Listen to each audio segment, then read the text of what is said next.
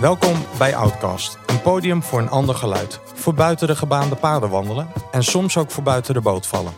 Van directeur tot dichter en van archeoloog tot filosoof. En vandaag is uh, Juri Kabalt te gast, als ik zo je naam goed, uh, goed uitspreek. Um, je bent uh, onderzoeker, adviseur bij Kessels Smut, de Learning Company, die in Utrecht zitten. En je bent auteur van uh, verschillende boeken. Het eerste boek waarin ik uh, jouw naam zag is Waarderend Veranderen uit 2016. Wat je onder andere ook met een aantal collega's van uh, en Smit hebt geschreven. En recent is verschenen Verhalen Veranderen. Oorspronkelijk dacht ik steeds dat er stond verhalend veranderen. Dus met een D erachter, net als bij Waarderend Veranderen. En nou, net vlak voor de start van onze ontmoeting kreeg ik ook nog het uh, boekje De Verwondering van jou in mijn handen gedrukt. Wat uh, twee jaar geleden is verschenen. En wat je vertelde wat je met uh, pen en papier in het park hebt opgeschreven. Ten tijde van de eerste lockdown. En dat je hoogzwanger was. Dus dat kenmerk jou denk ik wel. Een verwonderende blik. En nou, van harte welkom op de eerste plaats. Dankjewel. Ja. Leuk om hier te zijn. Ja, in, in de herberg. Nou, ook uh, een plek van uh, verhalen. Dan vaak uh, aan de bar en met een drankje in de hand. Nou, wij hebben slechts wat water bij de hand. En um, ja, vandaag hebben we het over jouw leven. aan de hand natuurlijk van muzieknummers. Want dat hoort in het, nou, in het format van, van Outcast. Nou, en, de, en je boeken en de thema's ja, die in jouw boeken terugkomen... lopen er natuurlijk ook als een rode draad doorheen. En nou, dat is leuk om dat zo samen te verkennen. Te verkennen. En um, nou, mijn eerste vraag is wellicht wel: van waar jouw fascinatie met verhalen? Hmm, leuke vraag. Uh, ja, jij zei net vlak voor begonnen: ik hou van magie van verhalen. Uh, en eigenlijk is dat ook waar mijn fascinatie met verhalen is begonnen. Uh, zolang ik me kan herinneren, ben ik echt gek op boeken lezen en uh, films kijken ook, maar vooral boeken lezen en dan ook fantasieboeken.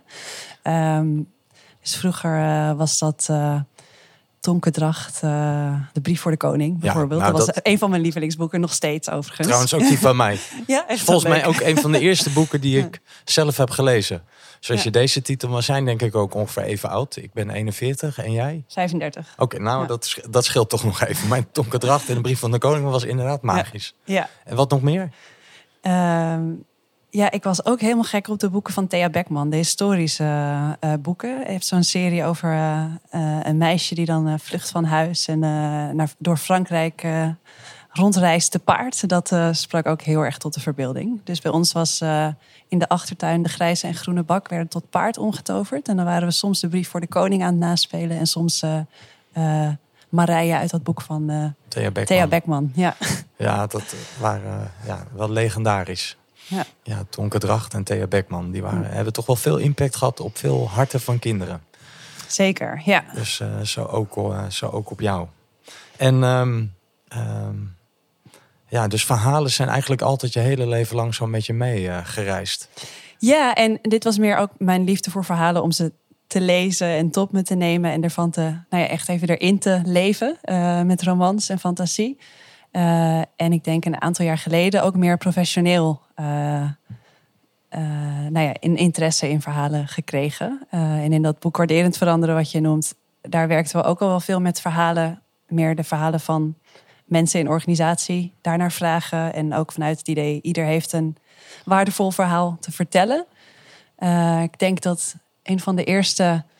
Um, nou ja, dat was dat is eigenlijk grappig genoeg weer een, een TED-talk. Ik weet niet of je die kent van een ook weer een romanschrijfster waar ik fan van was. Uh, Afrikaanse dame uh, Chimamanda Ngozi Adichie. Dat spreek ik ongetwijfeld niet goed uit. Maar, ja, het klinkt fantastisch. Uh, en die heeft een prachtige TED-talk en dat heet, die heet The Danger of a Single Story. waarin zij heel mooi aan haar eigen levensverhaal vertelt hoe mensen haar als Nigeriaanse uh, vrouw die naar de VS uh, eh, emigreerde, eigenlijk heel erg reduceerde tot wat zij dan noemt een single story of een soort eendimensioneel verhaal. Uh, en dan vertelt ze bijvoorbeeld een anekdote dat haar kamergenoot vroeg naar haar tribal music. terwijl zij zei, ik ben fan van Mariah Carey. en dat ja, hou even op. Er is, is ook een andere versie. Ja, en dat ze heel mooi in die TED-talk vertelt. Zo van, ehm, wat... Ehm, ja, hoe alle vele verhalen je, je vormen. En dat het nooit maar één verhaal is. En hoe je dat over een individu kan hebben, maar ook heel erg over groepen in de samenleving. Uh, en hoe je, voor je het weet, iemand echt zo plat drukt uh, tot een, nou ja. Single story. Single story, eendimensionale versie van iemand. Terwijl je ook zoveel andere verhalen hebt die je vormen.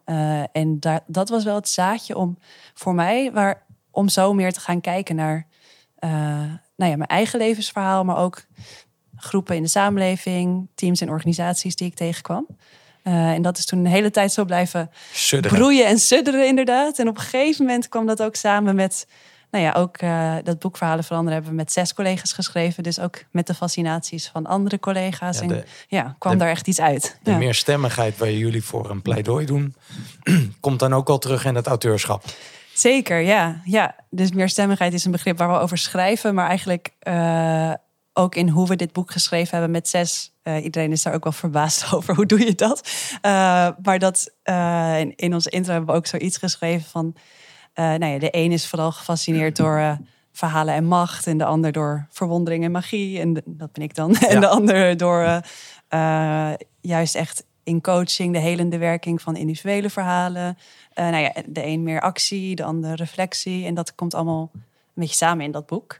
Hopelijk nog wel enigszins een meerstemmig verhaal wat wel leest als, als één verhaal, als één verhaal of iets, iets gezamenlijks heeft. Ja. Ja. ja.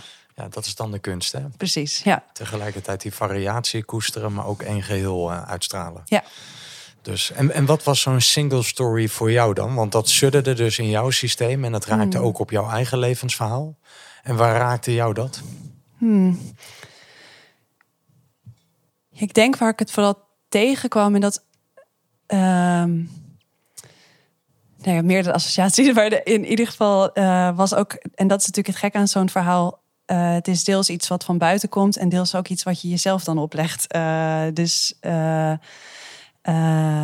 het verhaal over hoe ik mijn, mijn werk moest doen en leven. En, hoe, en het, de verhouding tussen werk en leven, daar ben ik wel echt toen. Heb ik heel erg tegengekomen dat ik dacht dat ik. Um, nou ja, om succesvol te zijn of om het goed te doen, heel erg professioneel moest overkomen. En ik begon als jonge vrouw van 24 uh, eh, bij Kilston Smit als organisatieadviseur. En dat ik me eerder altijd ouder wilde voordoen en altijd uh, keihard wilde werken. Maar bijvoorbeeld ook in kleding, me dan heel netjes ging kleden met hakken, wat helemaal niet iets is wat ik wat of wie ik ben, maar vanuit een soort idee van dit is hoe je een goede organisatieadviseur bent. En daarin ook heel veel verantwoordelijkheid voor voor de groep. Uh, mezelf er een beetje buiten, buiten laten. En dat heeft me toen na een aantal jaar keihard werken daarin ook niet echt op de manier hoe ik graag werk uh, en leef, wel echt even, nou ja, tot een soort crisis gebracht. Waarin ik ook een tijdje met een burn-out niet heb kunnen werken. En toen ben ik ook wel heel erg gaan kijken van, hey, dat verhaal over wat een goede organisatieadviseur is, maar ook wat een goed leven is of een waardig leven om te of leiden. Een goed mens. Een goed mens. Uh, en, en daar kwamen ook wel meerdere verhalen, ook van uh, vanuit thuis in samen. Um, dus het andere associatie, een verhaal wat, mij, wat eigenlijk mijn vader, denk ik, gevormd heeft. En mij dus daarin ook. Mijn vader is opgegroeid in een woonwagenkamp. En die is de eerste geweest van zijn nou ja, eigenlijk gemeenschap die naar de universiteit is gegaan. En die heeft heel erg zoiets gehad van... Ik moet het laten zien. Ik moet dat laten zien. Ik moet, er, ik moet daar succesvol in zijn. Maar hij is uh, ook ziek geworden daarin. Dus het lukte hem fysiek niet om dat te doen. En ook jong overleden. Um, en ergens had ik nog zo dat verhaal van... ik moet dat dan doen voor hem. Ja, je ehm, stapt ja. eigenlijk verder in zijn voetsporen. Ja, uh, en nou ja, die combinatie van dat beeld en verhaal wat ik had over ons vak, en hoe je dat goed doet. En dan nog ergens dat verhaal van hem zo, aan je zo in, in mijn achterhoofd. Dat was wel een soort mix die even leidde tot, uh, nou ja, een pauze die nodig was. Een kortsluiting. ja, en ook daarna wel. Uh, en dat is wel heel leuk, omdat ik het toen dat gebeurde, het ook juist net begonnen was aan een promotie onderzoektraject wat ik deed in Engeland aan Ashridge, een business school, waar je ook echt nou ja, begeleiding hebt op je promotietraject. En daar zat één ehm, begeleider bij die heel erg vanuit verhalen werkt. Eh, en eigenlijk kon ik dit ook heel erg dus deels onder begeleiding en inspiratie van hem op een verhalende manier onderzoeken wat hier gebeurde. Je eigen levensverhaal of je eigen thematiek. Ja, en hij, van hem heb ik ook heel erg geleerd om dan te schrijven over ehm, sowieso om dagelijks te schrijven als praktijk, als onderzoeksvorm, maar ook gewoon als professionele praktijk. Uh, om de hele tijd te journalen. Uh, en, um, maar ook hij, hij hanteert bijvoorbeeld, hij, hij zit ook in het boek, uh, Jeff Mead heet hij. Um, een term van narrative wreckage, narratieve puinhoop. Dat je even echt je, je, je verhalen over wie jij bent. Dat kun je op individueel niveau, maar ook, je zou ook kunnen zeggen, we leven nu in een tijd van narrative wreckage, waar de bestaande verhalen even niet meer werken of niet meer kloppen over wie je denkt dat je bent. Maar er is ook nog niet een, een nieuw verhaal. Eh, en, hij, en dat spreekt mij dan aan met mijn fascinatie voor uh, magie. Hij gebruikt dan de, de woorden van kun je goud vinden in, uh, in het as van de, van de narratieve puinhoop. ja, van de phoenix eigenlijk. Ja, en dan ook weer de, de inderdaad als een soort nou ja, phoenix die dan weer uit de as herrijst. En die beeldspraak vond ik heel mooi. Ook in die periode van burn-out las ik ook een boek waarin iemand dan ook zegt van ja, burn-out is inderdaad dat je echt even opgebrand bent, maar ook de kans geeft om weer als een phoenix uit de as te herreizen uh, en jezelf daarin opnieuw uit te vinden en vooral ook je verhalen opnieuw uit te vinden. Um, dus ook jouw eerste vraag van, van waar die fascinatie van verhalen, die is ook in die periode nog veel, nog veel sterker geworden, omdat ik die, ja, net die combinatie van die eigen, mijn eigen, nou ja, narratieve puinhoopcrisis en dan die, die blik van dat heel onderzoekend doen met verhalen uh, uh, was echt een soort uh, verdiepingsslag daarop. Eerst door het op jezelf toe te passen en vanuit daar daarna ook meer in organisaties en met anderen. Zo gaat dat vaak, hè? Toch wel, bij mij wel in ieder geval. Ja. ja. ja. Nou, prachtig. Wat een nou, bijzondere opening zo. Ja, goud. ineens al heel, ja, heel persoonlijk ja, ook. goed, zo, As zo gaat en ook. goud en ja. narrative wrecking. Of uh, weet je, uit die puinhoop weer uh, nou, een nieuw leven vinden. Ja. Nou, en dan misschien weer ook weer terug naar uh, je geboortejaren. Hmm. en het eerste muzieknummer van de dag. Wellicht dat jij die kunt, kunt introduceren, want dat is wel bijzondere muziek. Ik denk voor een hoop mensen, maar ook voor jou. Ja, nou, terug naar de geboortejaren op de een of andere manier ben ik sinds mijn tweede, als ik het mag geloven volgens de overlevering, enorm Beatles-fan. En echt extreem was ik als kind Beatles-fan. Nog steeds hoor. Maar, uh, dus de Beatles zijn voor mij echt heel bijzonder. En uh, nou ja, de anekdote gaat dat ik uh, Paul McCartney als imaginary friend had. Dus toen ik drie was. Dus altijd uh, zat hij ergens op een stoel of op de rand van het bed reisde Paul McCartney met mij mee. Dat zei je moeder dan? Of? Ja, die, uh, die vertelde dan van ja, dan wilde ik gaan zitten om jou voor te lezen s'avonds. En zei nee, nee, nee, Paul McCartney zit daar. uh, en dan uh, op de een manier was ik gewoon helemaal gek van in eerste instantie Paul McCartney en daarna ook de Beatles. Um, en um, het nummer nu wat ik had uitgekozen, want ja, het zijn zoveel mooie nummers, elke keer wisselt er weer één. Maar onlangs um, was de documentaire Get Back over de Beatles uh, uitgekomen, waar je eigenlijk gewoon negen uur met ze in de studio doorbrengt. Uh, en dat vond ik echt, nou ja, als fan fantastisch om te zien. En een van de nummers uh, die ze daar dan eigenlijk met elkaar maken is I've Got a Feeling. Ja, nou, daar gaan we dan naar luisteren. Ja. I've got a feeling, a feeling deep inside, oh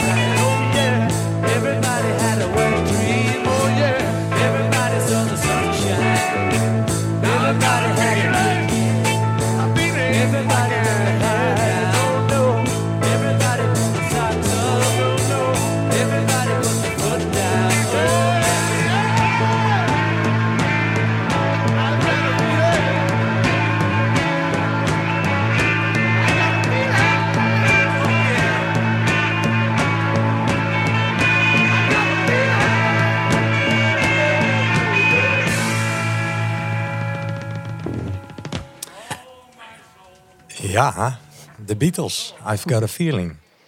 Als je er zo naar luistert, wat, eh, wat doet het dan met je? Ja, dit is ook gewoon een nummer waar ik altijd heel blij van word op de een of andere manier. Eh, dus dat heb, heb ik dan nu weer. En eh, ja, Beatles, het is zo gek. Ik heb het al zo vaak gehoord. En toch blijft het voor mij altijd een soort van... Ja, nieuw aanvoelen of gewoon niet... ja, verveelt het nooit bij mij. Maar eh, dat is wel echt bijzonder aan hun muziek. En wat me nog net opviel, ik, eh, nou ja, we hadden het net heel veel over meerstemmigheid. Ik vind het leuk aan dit nummer dat het eigenlijk bijna, eh, nou ja, veel mensen van de, die van de Beatles houden, houden of van Paul McCartney of van John Lennon. En in dit nummer hebben ze eigenlijk bijna een soort van twee nummers vervlochten in één. En op dat laatste stuk zingen ze eigenlijk echt zo door elkaar. Paul McCartney, I've Got a Feeling. En dan zo'n stuk van John Lennon, Everybody Had a Hard Time.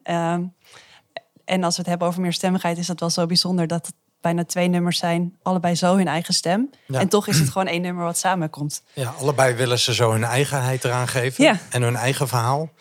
Maar er zit ook een soort eh, gezamenlijk verhaal in. Ja, of het klinkt in ieder geval gewoon als één nummer wat Ja. goed klinkt. Eh, maar als je dan denkt, hé, het zijn eigenlijk gewoon twee, duidelijk twee stemmen, twee, ja, bijna vraag ik me af, ik weet, dat heb ik niet uitgezocht nu, of het gewoon niet als twee losse nummers geschreven is, wat ze dan samengevoegd hebben. Ja, Maar in dat de studio. werkt. Ja. ja, Ja, zou zomaar kunnen. ja. En, en waarom voel je je zo thuis in die muziek? ja. Het is wel ook echt een toevluchtsoord voor jou. Ja, dat is het zeker. Ehm,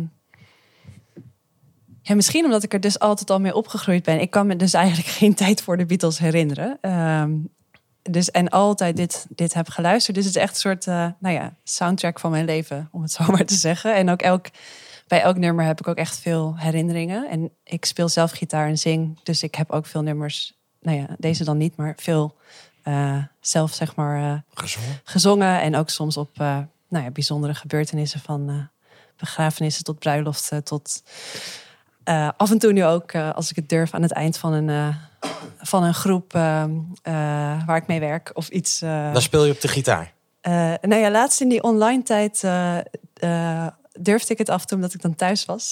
Ja, dus bij eh, aan het eind van een traject met de groep waar ik lang mee werkte, heb ik toen als, eh, als slot een, eh, een nummer voor ze op de gitaar gespeeld en gezongen. Want je Ook een het, Beatles eh, nummer inderdaad. Maar eh, maar je doet het nog niet live fysiek met, eh, in je werk. No- nou, ik organiseer af en toe nu ehm, ook meer leiderschapsprogramma's in de, in de Pyreneeën, waar onze laatste nummer ons misschien eh, eh, Oh. gaat, bre- gaat brengen. Absoluut, maar, absoluut. eh, en in, meer in de natuur. En daar voelt het, omdat je überhaupt dan met z'n allen buiten bent en daar is een, een kampvuur, daar, daar wel. Het is iets ongedwongener. ja, maar wie weet ook op andere momenten of plekken. Binnenkort. Ja, ik wilde je eigenlijk verleiden om nu een stukje te zingen. Maar ik denk, dat durf je wellicht niet zonder gitaar. Dat durf ik best, maar ik weet niet of, eh, of dat... eh, ja, of dat helemaal past in het hier en nu. Ja, ik- maar ja, nou, misschien straks. misschien straks. Ja, ja. ik denk, dan kun je er ook nog even over nadenken wat je leuk vindt. Maar voel je niet verplicht, maar Ja. ik denk, het, nou, ik- hoe, eh, hoe rafelig ook, het, het laat wel iets zien wat, je, wat van binnen je zo diep koestert. Hmm, ja. Dus ik vind het altijd heel bijzonder. ik heb vorig jaar een kleinkunstopleiding gedaan. Gewoon op amateuristisch niveau. Dus eh, stel je er niet te veel van voor hier op de theaterschool of de toneelschool hier in Utrecht. En, eh, en aan het einde was het verplicht voor iedereen om een stukje te zingen. Eh, dus of je nou wel of niet vond dat je kon zingen, daar werd gezegd, ja, iedereen heeft een stem. En iedereen kan zingen. Eh, dus onder begeleiding van een eh, pianist. En met die pianist schreef je ook je, je nummer. Hij hielp je met de melodie. En zelf schreef je dan de tekst. Ja, moest je aan het einde zingen. En dat was, Bijzonder. ja, was Ja. echt heel bijzonder. Dus iedereen moest gewoon aan de bak. En je had een aantal mensen die, eh, ja, die, ja, dan, dan, zeiden de meeste mensen, nou, je kan echt heel mooi zingen. Je, je hebt het vaker gedaan. Of, eh, en een aantal mensen die het echt voor het eerst deden en echt over hun schaamte moesten heen stappen. Wa- waaronder ook ik. Ehm, maar ja, ik vond het wel heel erg leuk. Wou zeggen, hoe was het om het te doen? Ja, het is heel erg leuk. Ik vond zingen vroeger als kind ook fantastisch. Dus ik, eh, ik weet niet of ik toen de tijd ooit eh, ambitie had om zanger te worden. Maar eh, ja, het, het is natuurlijk wel bijzonder. Ik heb die ambitie wel ooit gehad, maar daarna is het een beetje op een zijspoor ge- gekomen. Dus ik ben ook gewoon een amateur. Amateur. maar, Maar, ik heb het idee ooit, dat je het wel beter kan. wel ooit overwogen om conservatorium te gaan doen, maar Ja. dat is toen een heel ander pad geworden. Nou ja, de, de meerstemmigheid die je daar wellicht had gevonden, heb je nu op een andere plek gevonden. Precies.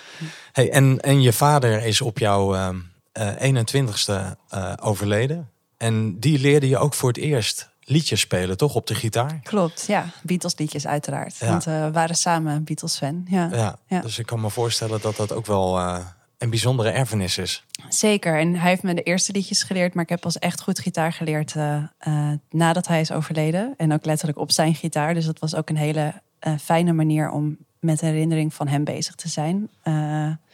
Door gewoon muziek te gaan, gaan leren spelen. Ja. Ja.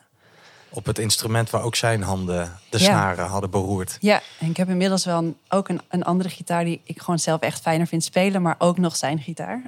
Dus dat, eh, die is er ook nog steeds bij me. Ja. Ja. Ik vond het zelf ook wel leuk in dit nummer van eh, de Beatles... dat er ook een zinnetje in zit van eh, I've been wondering. Dat is mezelf niet eens opgevallen. Leuk dat je dat hebt eh, gehoord. Ja. Dus ik denk dat verwonderende zit ook al, zat verstopt ook wel in de regels van, van de Beatles. Hmm. Dus ik denk, dan snap ik wel dat het de soundtrack van je, van je leven is. Hmm.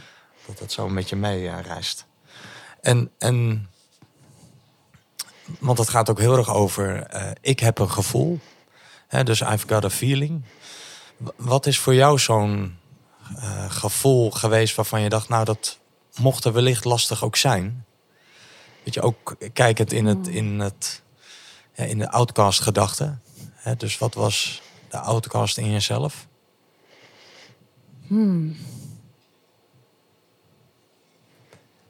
Ja, goede vraag. Wat was de outcast in mezelf?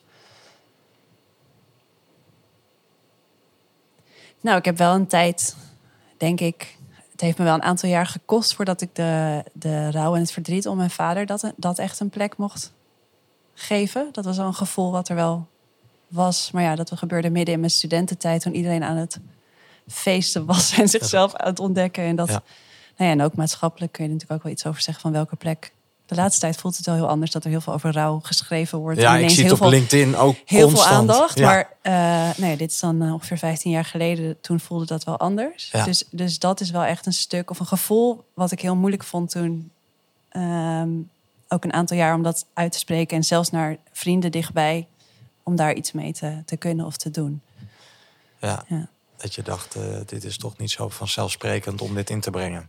Ja, of, of gewoon van heel erg nog vanuit een soort overtuiging van het moet gezellig zijn of het moet leuk zijn. Of eh, we zijn nu met vriendinnen bij elkaar. Of dat, ja, Ja, dat, nou. dat hoort niet hier. Of, Nee, ja.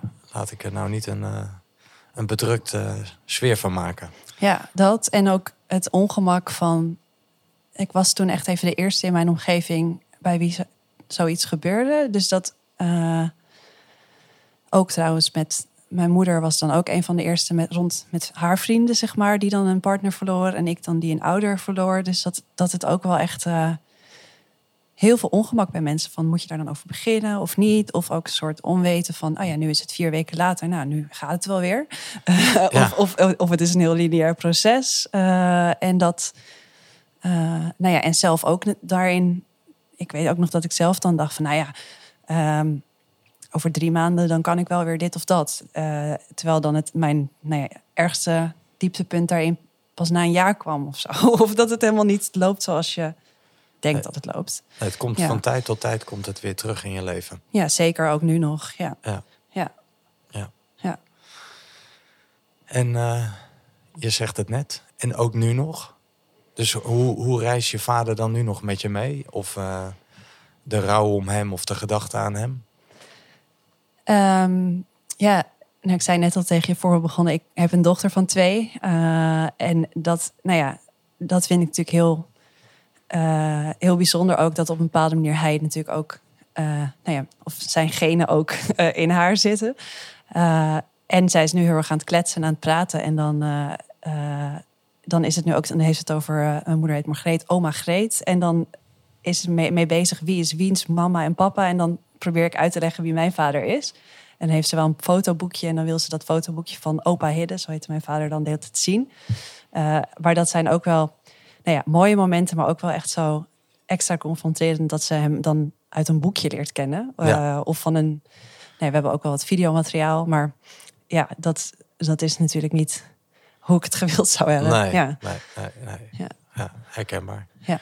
Ja, eh, dat is niet. ik ben mijn moeder relatief jong verloren. En, niet zo oud, eh, niet op mijn 21ste, maar. eh, ehm, ja, hoe, hoe oud was ik eigenlijk? Eh 2014, toen was, toen was ik 33. Eh, dus ik, ik kan me er iets bij voorstellen. En Ja. mijn jongste dochter was toen net geboren, dus die was eh, twee jaar eh, oud. Eh, toen eh, oma Mieke eh, overleed. Dus die heeft nog twee jaar lang mijn moeder eh, meegemaakt. Maar mijn zoontje werd eh, ja, geboren eigenlijk in dezelfde week dat mijn moeder overleed. Dus die heeft nou net wel, want mijn moeder is eigenlijk een week daarna overleden.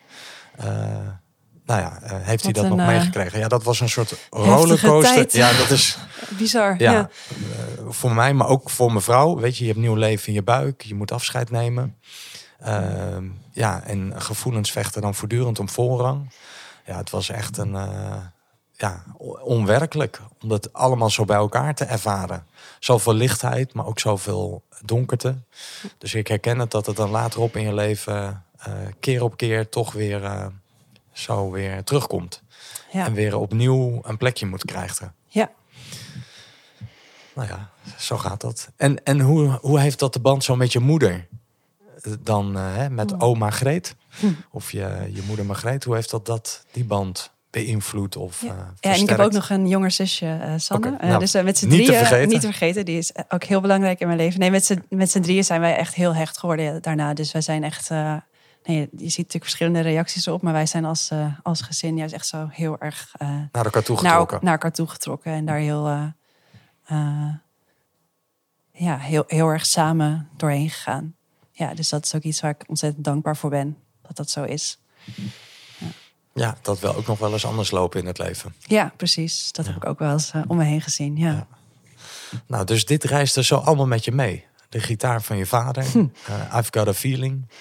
Je soms eh, in, die, in die studentenjaren dat je dacht, kan dit er wel zijn? Mag dit er wel zijn?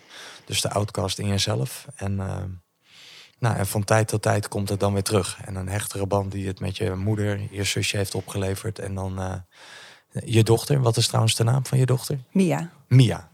Nou, zo heet mijn nichtje ook. Hm. Dus de dochter van mijn broertje heet... eh, ik heb dus niet een zusje, maar een broertje. Hm. Die heet Mia. Vast geen toeval. Ehm, nummer twee van de dag. Ja. Waar gaan we naar luisteren? We gaan luisteren naar eh, Amy Winehouse. Ehm, Nou, als we het hebben over... eh, over heftige verhalen. nou ja, ook wel als we het hebben over single stories. Een eendimensionaal verhaal over, over haar. Wat er eh, leefde, eh, denk ik, in de media. Eh, en welke andere verhalen er ook nog zijn. Ik heb haar leren kennen echt net voor ze haar eerste album uitbracht. Dus ook toen ze nog niet zo Bekend was. bekend was. En vooral als een nou ja, singer-songwriter die al haar nummers zelf schrijft. Ze speelt ook zelf op de gitaar, treedt ook op op de gitaar. En nou ja, echt fantastisch. Vooral haar eerste album vond ik. Frank. Eh, Frank, ja. Eh, dus als je dat niet kent, luister. En ehm, ja, ik, een van mijn mooiste concerten ooit, ik ga ook graag naar concerten, was een nachtconcert met Amy Winehouse eh, in Paradiso. Om, dat begon om één uur s'nachts. nachts en met een enorme band. Dus heeft dan ook, of had uiteraard, ehm, eh, dan allemaal blazers erbij. En het is, was echt, eh, nou ja, Spektakel. echt spektakel. En zeker natuurlijk met terugwerkende kracht. dat dat waarschijnlijk het laatste concert in Nederland is geweest voor ze overleed. En het nummer waar we nu gaan luisteren is Stronger Than Me. Dat is het, eigenlijk het eerste nummer van dat album Frank.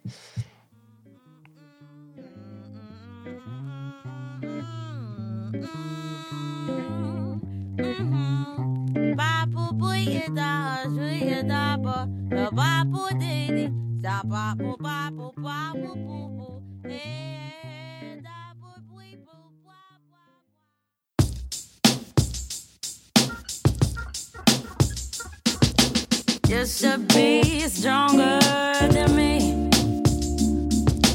You've been here seven years longer than me. Don't you know you're supposed to be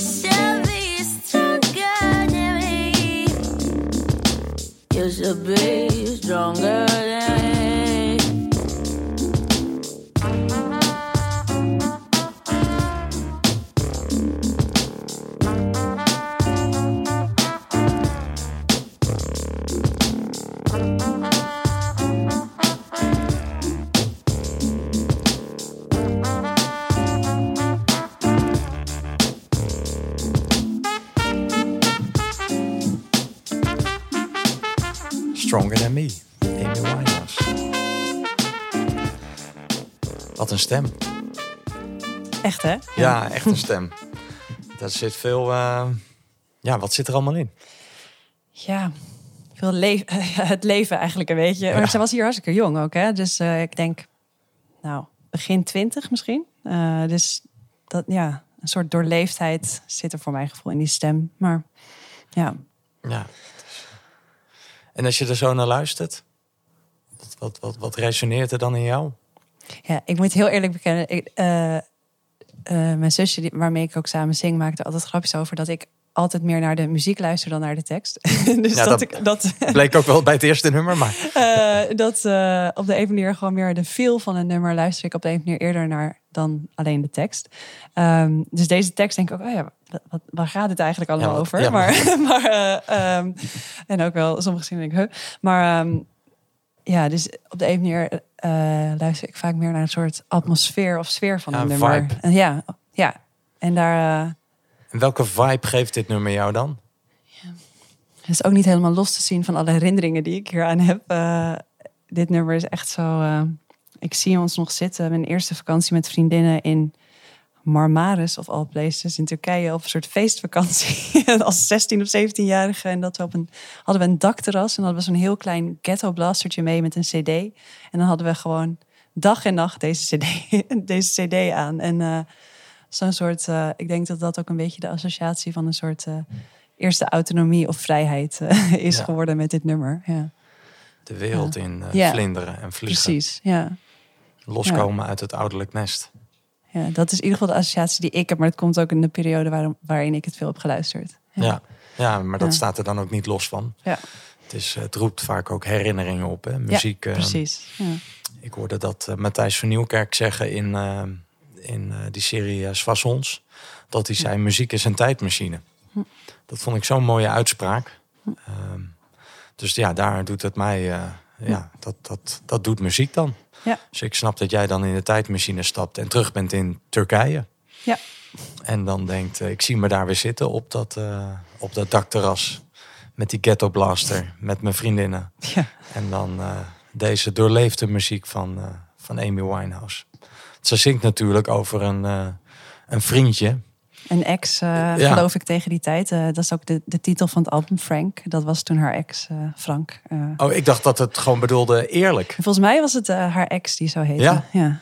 Ik, ik, ik Ik heb zal het nog eens nazoeken. Maar ja, dat nou, heb ik, heb me er niet specifiek in verdiept, maar dat was mijn eerste associatie, omdat ze dat ook zo oproept Ja. in haar muziek. Van wees, wees eerlijk, verbloem het niet.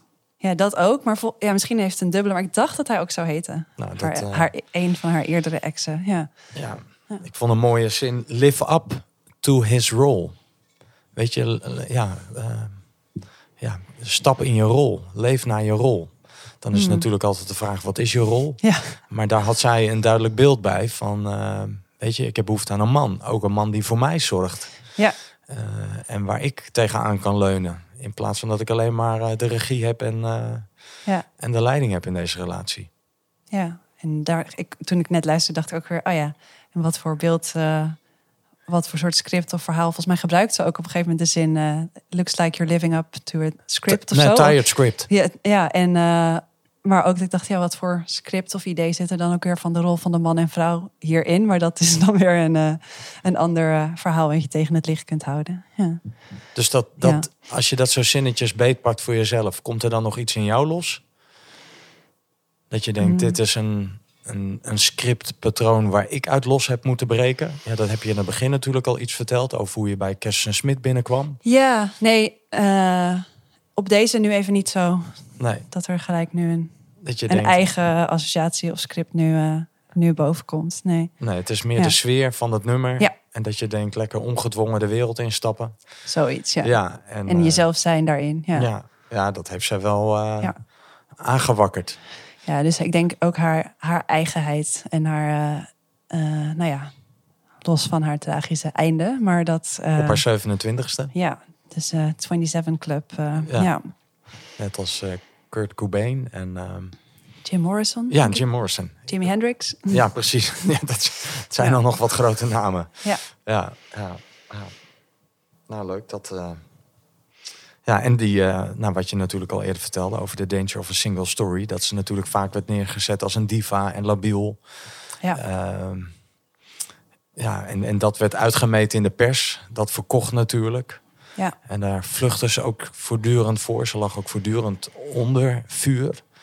Het was eigenlijk schrijnend. Ja. En, eh, terwijl het natuurlijk gewoon ook een muzikaal genie was. Precies, ja. En, eh, Ja. En dat, misschien een beetje een gek bruggetje, maar in ons, in ons boek schrijven we ook wel over van dat soort verhalen die je dan soms organisaties, eh, daar doet het me nu even aan denken, dat je dan ook soms zo'n verhaal van buiten of van de media echt hebt. Eh, en dat je daar dan ook als organisatie toe te verhouden hebt. En voor je het weet ga je dan ook mee in zo'n frame. zo'n frame of verhaal wat je dan krijgt. Eh, eh, en hoe ga je dan weer ook je eigen positie en je eigen verhaal daarin maken zonder alleen maar te doen alsof het er niet bestaat. Als er bijvoorbeeld al in de krant wordt geschreven over iets wat er is gebeurd in jouw organisatie. Dat raakt individueel, maar ook een soort identiteit van waar hoor ik dan bij? En hoe kun je daar dan ook weer je verhalend toe verhouden? Ja, en in jullie boeken reiken jullie ook heel veel werkvormen aan. eh, om het praktisch te maken, om die beweging ook op gang eh, te brengen. Van dat verhalen veranderen. Ja. Is er nu al meteen een interventie of werkvorm die je te binnen schiet? Van waar jij veel mee werkt, als dit bijvoorbeeld gebeurt? Als dit gebeurt, Ja, zo'n ja. danger of a single story. Ja, eh, en sowieso ehm, eigenlijk het, het allereerste daarbij wat ik dan zou doen is... nee, dat was een zinnetje waar we het net van tevoren ook al over hadden. Op verhaal komen. Ehm, de allereerste, vaak zitten mensen zo eh, in zo'n situatie van een, eh, een verhaal wat ineens naar binnen komt vanuit de media, maar ook gewoon überhaupt in een tijd waar er veel, veel speelt, zo bezig en, en te rennen dat je niet eens weet in welk verhaal je zit. Dus überhaupt eerst een moment of een setting creëren waar je als mens, team of organisatie even weer kunt kijken van in welk verhaal zitten we en leven we en werken we eigenlijk. In, welke, in welk filmscript Ja, worden we getrokken? ja, en eh, of überhaupt in welk verhaal. eh, eh, welk, welk verhaal vertellen we over onszelf? Of zijn we aan het leven zonder dat we dat doorhebben? Want iedereen doet dat voortdurend. Eh, alleen dat ben je misschien niet zo bewust. En zeker als je niet die ruimte maakt om even te kunnen uitzoomen. Ehm, dus dat is eigenlijk de eerste, eerste stap nog voor een werkvorm. En daar heb je natuurlijk bepaalde werkvormen voor die kunnen helpen om op verhaal te komen. Eh, zoals bijvoorbeeld een historielijn maken met elkaar. Eh, dat je echt even terug kunt kijken op de afgelopen Jaren. eh, jaren of half jaar of net afhankelijk van wat er, wat er speelt of gebeurd is. Ehm, ja, en een begrip waar we wel veel mee werken, of meerdere begrippen in dit boek. Eentje is separatie. Wat meer theoretisch, een van de theoretische brillen die we aanreiken. Ehm, en dat gaat heel erg over het principe: niet, je bent niet een verhaal, maar je hebt een verhaal. Eh, dus dat je, en daarvoor moet je eerst het verhaal kunnen zien. eh, om te kunnen zeggen van, oh ja, eh, ik ben niet een team wat slecht functioneert, maar we hebben een verhaal dat we een slecht functionerend team zijn. Of ik ben niet, ehm, ik ben niet diegene die altijd geluk heeft, maar ik heb een verhaal over dat ik altijd geluk heb en daardoor eh, ja, eh, ontstaan er bepaalde dingen. Ja. En als je, pas als je dat verhaal dus kunt zien, eh, kun je ook zeggen hoe wil ik me ertoe verhouden. Kun je separeren? Of ja, als je het separeert en als je het los kunt zien, dan kun je ook zeggen van wil ik meer of minder van dit verhaal in mijn leven. Hoe, en dat weer op al die niveaus, hè, ook als team. Helpt dit ons verder of niet? Of zouden we dan eventueel een ander verhaal daarnaast kunnen zetten, wat wel ons meer energie geeft of meer perspectief biedt. Hm, interessante gedachte. Ja, Dus je bent niet een verhaal, je hebt een verhaal. ja, Zodat Ja. je vervolgens een beetje ervan kunt losweken. En dan kunt kijken Ja. van, eh, nou willen we iets van dat verhaal behouden? ja. Of daar meer van? Dat we zeggen, nou dat spreekt ons aan en hier willen we wat minder van. Ja, maar daarvoor moet je dus eerst allereerst een soort setting om op verhaal te komen eh, hebben. En nou ja, dan het andere begrip wat we dan veel gebruiken is auteurschap. Dus als je dan eenmaal nou ja, iets dat ziet welk verhaal je hebt en daar naar, naar kunt kijken, dan kun je ook meer nou ja, zelf auteur worden van je verhaal. En dan ermee gaan spelen. Wat jij net zegt van hè, de, eh, wil ik er meer of minder van? Wil ik er een soort plot twist aan toevoegen? Of eh, net andere momenten kiezen? Eh, en dat, dan kun je er echt mee. dan, dan kun je ook weer met fantasie of verbeelding. Daar kun je mee spelen. ja, Nou, en ik hoor je ook taal toevoegen. Dus in plaats van eigenaarschap, auteurschap. Ja. Hè, dus uit, die, uit dat verhalend perspectief gebruik je dus ook, eh, nou, introduceer je andere taal. Ja, en, en deels hebben wij die bedacht en deels komt die ook van andere auteurs. Hè? Dus eh, dat begrip auteurschap hebben we ook eh, van een Zuid-Afrikaanse vakgenoot, uh, Zwart, hebben we veel van geleerd. En die heeft ook echt een heel mooi boek geschreven over reauthoring the world. Ehm, en dat, zij werkt ook heel veel, dus ook, ook niet alleen door haar bedacht hoor, maar met dat begrip auteurschap. we staan allemaal op de schouders van anderen. Precies, ja. ja. En dat, maar wat wel heel leuk was voor dit boek is om al die uh, om echt samen die taal te maken. Omdat het niet zo duidelijk al één perspectief was waar je dan op voortbouwt. Hebben we echt vanuit alle invalshoeken, nou ja, invalshoeken en al die verhalende interesses ook van ons zes samen echt wel geprobeerd zo'n soort repertoire. Uh, ja, en ook wel een ja. Het is niet echt een theoretisch kader, maar wel een aantal van die kernbegrippen. Uh, we noemen het ook wel verhalende vermogens. Welke soort vermogens om met verhalen te kunnen werken. En dat is bijvoorbeeld dat separeren. Um, dat dat, uh, om dat zo samen te voegen en bij elkaar te zetten, dat vond ik echt ontzettend leuk. En dat helpt ook nu heel erg als ik nu met organisaties werk, dan zie ik het ineens vanuit die bril. Veel explicieter dan daarvoor. Um, en daarnaast zijn er dus ook, wat je zei, een aantal heel praktische werkvormen. Uh, dat, dat helpt ook. Uh, nou ja, dat waren dingen die wij dan al iets meer deden, maar dat helpt meer ook. nu het zo opgeschreven staat, denk je ineens, oh ja, ik blader dus zelf ook even doorheen. Welke zal ik vandaag eens doen? Nee, ja. maar een boek schrijf je toch vaak ook voor jezelf. Ja. Dat ja, ze, zeker. Ik, vind, ja, ik, ik, persoonlijk vind het vooral heel leuk om te schrijven. En ook met collega's daarover uit te wisselen. En dan is het er. En dan denk ik, oh ja, nu is het er. Maar het maakproces vind ik het leukste. Ja, dat herken ik ook. Weet je, dat is het creatieproces. Ja. Dat is de helft en misschien wel meer uh, dan de helft van het plezier. Zeker, en ja. Dat, ook omdat het jezelf voortdurend op nieuwe ideeën brengt en tot reflectie uitnodigt. Ja, en, en dan een, uh, een aanleiding om lekker veel te lezen. Ja, en, uh, ja. ja, en te puzzelen. Dus ik, en jij bent dan als, als onderzoeker, snap ik helemaal dat je het dan leuk vindt om tot die kernbegrippen dan te komen. Ja. Want dat is gewoon ja, interessant. Ja, en wel dan in combinatie met ook gewoon de praktische verhalen en die werkvormen. Want anders dan wordt het, dus dat zit ook wel echt mijn lol om het dan. Dus ik heb zelf ook uiteindelijk best wel veel van die. Ik bedoel, we hebben allemaal stukjes geschreven, maar zelf veel van de werkvormen ook geschreven, omdat ik het toch ook wel nou, jij zegt net, je voegt taal toe. Maar wat ik ook wel in dat werken met dat verhalend veranderend perspectief heel erg leuk vind, is dat het ook wel best wel ja, nauw of precies komt hoe je het doet. Als je met mensen, mensen hun verhalen gaat werken. Dus dat meer nog dan in mijn andere werk als, als adviseur, als je echt dit doet, nog iets meer strakkere werkvormen soms gebruikt. Uh, of strakkere uh, soort van luisteraanwijzingen. Dus bijvoorbeeld een van mijn lievelingswerkvormen is eigenlijk heel eenvoudig. Die er ook in staat is, ik hoor het verhaal van. Uh, dat je de tijd geeft aan iemand om een verhaal te vertellen. Nou, het kan gaan over een ervaring of je levensverhaal. En dat de rest gewoon echt even luistert alleen. En dat je dan het teruggeeft, iets uit, eigenlijk een onderdeel van het verhaal terugspeelt als een soort spiegel. zonder er dan al duiding of advies aan toe te voegen. En eigenlijk gewoon allemaal te zeggen: ik hoor het verhaal van een man die uh, uh, twee uur naar een boom heeft zitten staren. Maar is het dan de interpretatie die je geeft van dat verhaal? Nee, eigenlijk gewoon een stukje van het verhaal wat, wat je op is gevallen. Dus nog zonder er een soort interpretatie, maar meer gewoon een, eigenlijk ja, ik zie het steeds met een beeld van een spiegel dat je een stukje terugreflecteert naar iemand. Uh, een stukje van hetgene wat iemand net heeft gezegd. Oké, dus dat is um, letterlijk wat je de ander hebt horen zeggen. Ja, en het is, je zegt het nooit letterlijk in precies dezelfde nee. woorden, maar wel zo de... dicht bij de taal. Dus dat is ook een, soms een begrip wat, van respecteer auteurschap. Dus blijf ook bij de taal van een ander en ga niet allemaal andere woorden uh, toevoegen. Dat omdat noemen ze toch ook autobiografisch luisteren? Uh, dat zou ik. goed kunnen. Ja, maar, dat je dan je ja. eigen verhaal eigenlijk projecteert op het verhaal van de ander.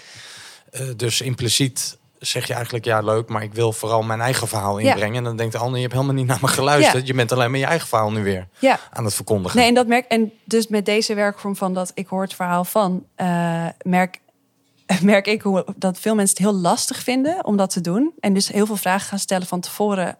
En het helpt om het dan gewoon maar even te gaan doen. Maar uh, van, oh ja, maar mag ik dan wel dit zeggen of dat? Of, maar ik wil gewoon even zeggen dat het me raakt, dit verhaal. Uh, maar het is een hele krachtige vorm dat je echt even het gevoel hebt dat je gehoord wordt. Want dat, dat zinnetje wat je dan zegt is, ik hoor het verhaal van iemand die... En dan, dat is het verhaal wat ik hoor. En, uh, en grappig genoeg eh, is het een heel rijke ervaring. Ik heb het ook ik heb het geleerd doordat ik het zelf heb meegemaakt in, eh, eh, eh, door, als deelnemer. En dat je dan ook heel erg merkt van... eh, je hoort eigenlijk stukjes van je eigen verhaal uit de mond van de ander. En natuurlijk kiezen zij net een stukje wat hen is bijgebleven. Dus daar zit een soort filter op. Eh, maar doordat je dan eerst dat helemaal kunt vertellen... en dan die stukjes terug hoort... dan valt het ineens op zijn plek. Eh, en eh, heb je ook de ander even ervoor nodig om je eigen verhaal te snappen. En wat we dan bijvoorbeeld daarna vragen, en dat is ook weer dat auteurschap respecteren aan degene die het inbrengt. Dus de auteur vragen, welke titel zou je willen geven aan dit verhaal? En dat lijkt ook een hele eenvoudige eh, vorm, maar dat doet ook iets heel krachtigs, dat je het zelf een titel of een woord mag geven. Ja. Ehm, en dat is dan ook weer iets wat je, wat je mee kunt nemen. Ja, je bestempelt Ja. het. Ja. Ja. Ja, en dit, dit, zijn dan, dit is nou een van die werkvormen die we erin hebben geschreven. Die, eh, nou ja, die, die dus wel iets illustreert van hoe je met dat... Je kunt het ook veel losser doen hoor. Maar hoe je soms ook als je verhalen echt wilt respecteren... en de ruimte wilt geven, dan ook wel even helpt... om wat van die regels voor zo'n vorm even te, Oh. te maken. Ja, ik duid het als precies en zorgvuldig. Ja, precies. Ja. Juist omdat je zo dicht op, de, op iemands anders huid kruipt. Ja. En wellicht ook wel op iemands anders levensverhaal kruipt. Zeker, ja. Ehm, ja, wil je daar zoveel mogelijk recht aan doen. Ja, Dus Ja. dat, ehm, ja, als je daarin eh, net uit de ban eh, springt. Ja, en dat eh, met alle beste bedoelingen kan dat dus snel gebeuren. Eh, en eh, we noemen dat ook wel eh, een vertel- en luistersetting creëren in dit, in dit boek. Ehm, en dat is dus ook het vakmanschap van de verhalende veranderaar, om daar echt oog voor te hebben hoe je Ja. dat doet. Leuk. Ja, Nou, een mini eh, stukje uit het boek. ja. Ik kom bijna in de verleiding om dan dat we elkaar gaan spiegelen. Ik, ik hoor dit en dan eh, mag jij het straks een titel geven. Deze, deze, deze, deze outcast. Nou ja, prachtig. En de, vanuit Amy Winehouse. ehm, ja, zo naar eh, op verhaal komen en daar eigenlijk heel precies ook in zijn. Dus eh, ondanks dat je niet dan naar de regels luistert van muzieknummers, maar meer naar de vibe, doe je dat wel heel precies in de werksetting. Hmm, ja, En als er de danger is van een single story of een bepaalde framing, je hanteert ook het begrip van separatie. Nou, mooi. Het laatste nummer van de dag. ja. We zijn al eh, dik 50 minuten onderweg. Dus eh, zo'n gesprek als dit nodigt ook voortdurend uit om weer nieuwe eh, zijweggetjes in te slaan. Ehm, nou ja, dus nu zijn we weer op de hoofdweg. Laatste nummer. ja. Vertel. Ehm, dit is een album wat ik op dit moment heel veel luister. En het is ehm, van een artiest die waarschijnlijk niemand eh, kent. Eh, vermoed ik. Ja, Ehm, Ignacio Maria Gomez. En hij komt uit Argentinië. eh, en er is één plek in Spanje waar ik de afgelopen tien jaar heel veel kom. In de Spaanse Pyreneeën. En hij is nou ja, een vriend van die vriend van mij die daar woont. En ik heb van hem, van Ignacio, twee keer een concert daar. Die prachtige plek in de, de natuur mogen meemaken. En hij is echt een fantastische muzikant. Dus ik dacht, eh het is ook leuk eh, om hem te aan meer mensen te laten, Ja. te, laten, te laten zien. En voor mij heeft het wederom die associatie met die, nou ja, soort mijn tweede thuis lievelingsplek in de natuur. En ook ehm, de tekst heb ik toch nog ook, ook al is het in het Spaans wat ik aan het leren ben. wel bij deze tekst vind ik wel dus heel mooi passen, want die gaat heel erg over onze niño interior, ons kind in onszelf. Eh, en ook eh, hoe kunnen we die nou eigenlijk toestemming geven om eh, te dansen en te spelen en te zingen. El Nino. Coloca el reloj sobre la mesa para ver la hora en que el niño nació. Coloca el reloj sobre la mesa para ver la hora en que el niño nació. Ay, si el niño quiere jugar, ¿por qué no lo baila? Si el niño quiere jugar, ¿por qué no lo baila? Si el niño quiere jugar, ¿por qué no lo baila? Si el niño quiere jugar, ¿por qué no lo baila? Abuela Santana, ¿por qué llora el niño? Por una manzana que se le ha perdido. abuela Santana, porque llora el niño por una manzana que se le ha perdido. Si el niño quiere jugar, ¿por qué no lo baila? Si el niño quiere jugar, ¿por qué no lo baila? Si el niño quiere jugar, quiere, ¿por qué no lo baila? Yo no quiero una, ni tampoco dos. Yo quiero es la mía, la que se perdió. Yo no quiero una, ni tampoco dos. Yo quiero es la mía, la que se perdió. Si el niño quiere jugar, ¿por qué no lo baila? Si el niño quiere jugar, ¿por qué no lo baila? Si el niño quiere jugar, baila. Si el niño quiere, ¿por qué no lo baila?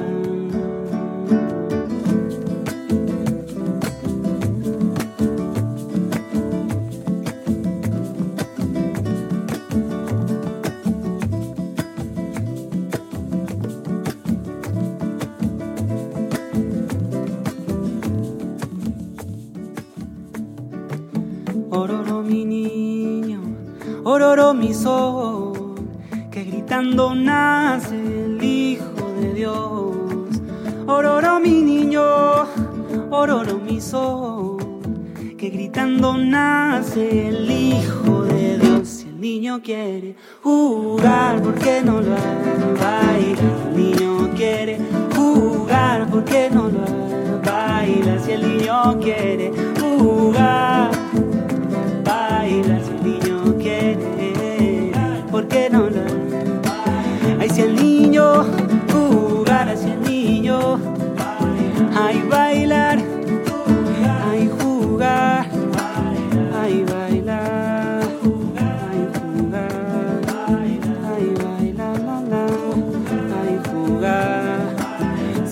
queremos, ¿por qué no lo hacemos? Si todos queremos, ¿por qué no lo hacemos?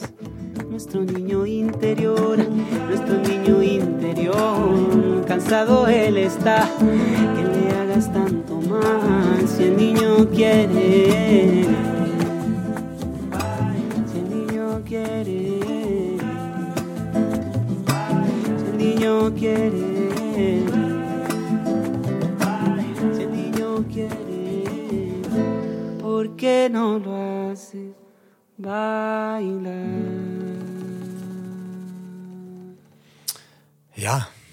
Zo.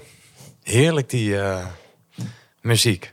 Zeker, hè? Ja, Ik, eh, ik hou altijd van. ju- ju- Juist omdat het ook in zo'n andere taal is. Kijk, jij bent dan al wat meer thuis in die Spaanse taal. Ik eh, een stuk minder, alhoewel ik wel een Spaanse tante heb.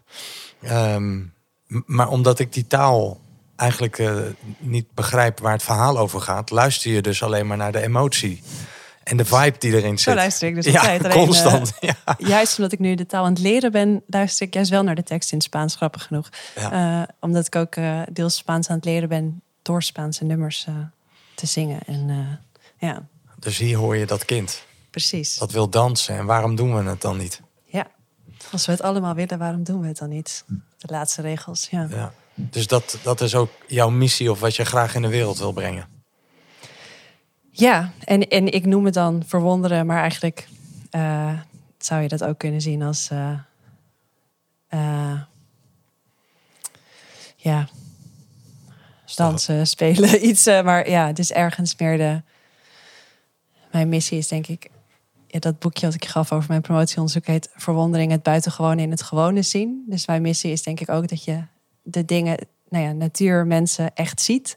Eh, en ook dat je niet zomaar het vanzelfsprekend door het leven rolt, maar echt eh, nou ja, stilstaat bij hoe je het leven wilt leven en hoe je de ander kan zien. En dus ook, eh, nou ja, dit, dat, dat kind in onszelf ergens, dus niet alleen maar zomaar te voldoen aan wat zogenaamd hoort, maar ergens dichter bij de essentie. En dat is dan misschien, nou ja, dat kun je, een manier om dat te beschrijven is dat kind in jezelf, denk ik. Ja. Ja, mooi. Ja, daar eh, sla ik natuurlijk wel op aan. Ik denk, we hebben allemaal natuurlijk een kind in onszelf. Waarvan we zeggen van... eh, ja, soms ontstaat er een soort mistig beeld om ons heen van oordelen, perspectieven, referentiekaders. Dus eh, ja, voordat je het weet, kijk je al door een bepaald venster naar de werkelijkheid. Ja. En daar moeten mensen maar aan appelleren. Ehm, ja, dus dan is het soms lastig om nog het buitengewone in het gewone te zien. Of ehm, mensen echt te zien. Echt Ja. te zien en wat ze te vertellen hebben. Ja. Nou, zo op het eind hè, van eh, dit gesprek. Ik heb eh, een, een hoop gehoord in jouw verhaal. Dus als we het hebben over eh, op verhaal komen. Ehm, nou, natuurlijk begonnen met Tonke Drag, Thea Beckman. Hoe dat jou als kind de magie van verhalen ehm, bracht. Over de burn-out. ehm, uit je as herreizen. Hè, in die as eigenlijk een soort goudmijn eh, vinden. Ehm, nou, en vervolgens eh, dat die verhalen ook professioneel in je werk kwamen.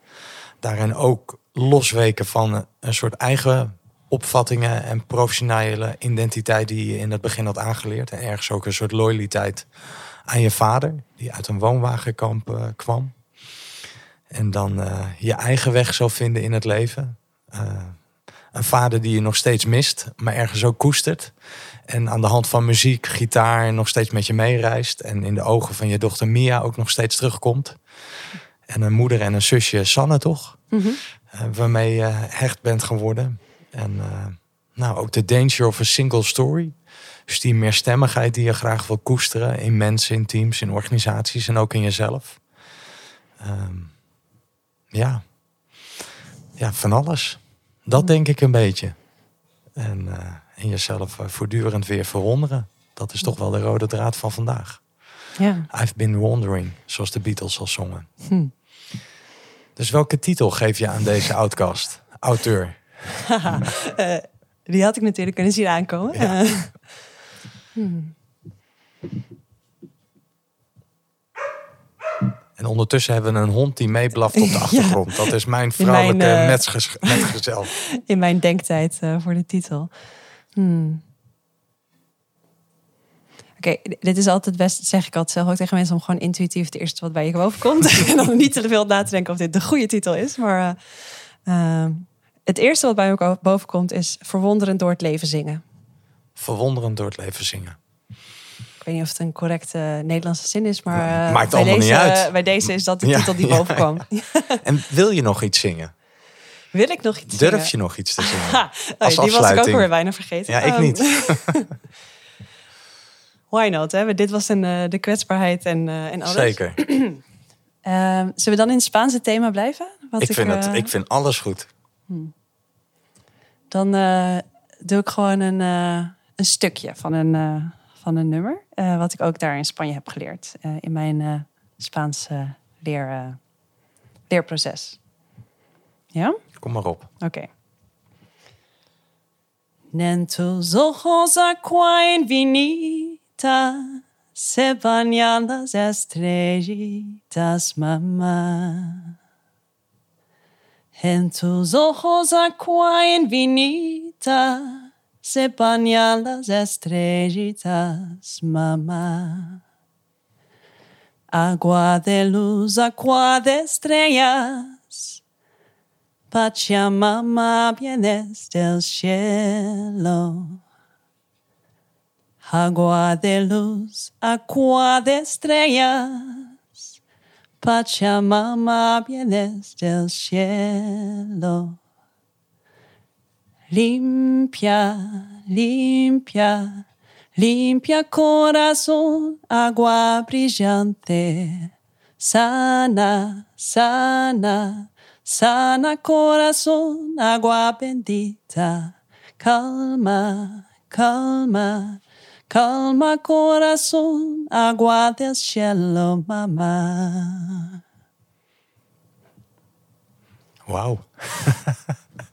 Dit is niet alleen verwondering, maar ook bewondering. Wauw, dit is echt fantastisch. En, en wat ik hoorde ook corazon, dus hart, liefde. Waar gaat het over? Ehm, Dit is een. eh, dit leerde ik van een Argentijnse vriend die daar ook woonde. En het is een, eh, een soort. eh, een soort ode aan Pachamama, moeder natuur of aarde natuur. Dus het is een beetje een soort spirituele song uit Zuid-Amerika. Dus, eh, nou ja, wat eh, bijzonder om eh, zo, zo spiritueel af te sluiten. Een ode aan moeder aar- aarde. Ja. Nou ja. Voor nu enorm bedankt dat je te gast wilde zijn. Hartstikke leuk om zo stil te staan bij jouw leven, bij je levensverhaal. Op verhaal komen aan de hand van muziek. De Beatles, Amy Winehouse en ja, ik kan zijn naam niet zo goed uitspreken. Ignacio. Ja, Ignacio. Eh, nou, en verhalen veranderen als een soort rode draad die er steeds eh, doorheen eh, zweefde. En natuurlijk verwonderend als een kind. Of verwonderen als kind zingen. Wat was het nou, de titel? Verwonderend door het leven zingen. Ja, verwonderend door het leven zingen. Nou, dankjewel. Ja, jij heel erg bedankt. Yes. Ehm, ja, beste luisteraar, wat een podcast was dit ook alweer. Ik wil u enorm bedanken voor het luisteren hiernaar. Geef vooral uw reactie online. Ehm, of u kunt me ook altijd gewoon een belletje geven of een berichtje sturen. En eh, ik hoop u eh, nou, graag weer te zien, wilde ik zeggen, bij de volgende Outcast. Maar dat kan natuurlijk niet. Dat mag natuurlijk wel in de herberg. Eh, ik hoop vooral weer dat u ook weer naar de volgende Outcast luistert. En dank u wel voor nu.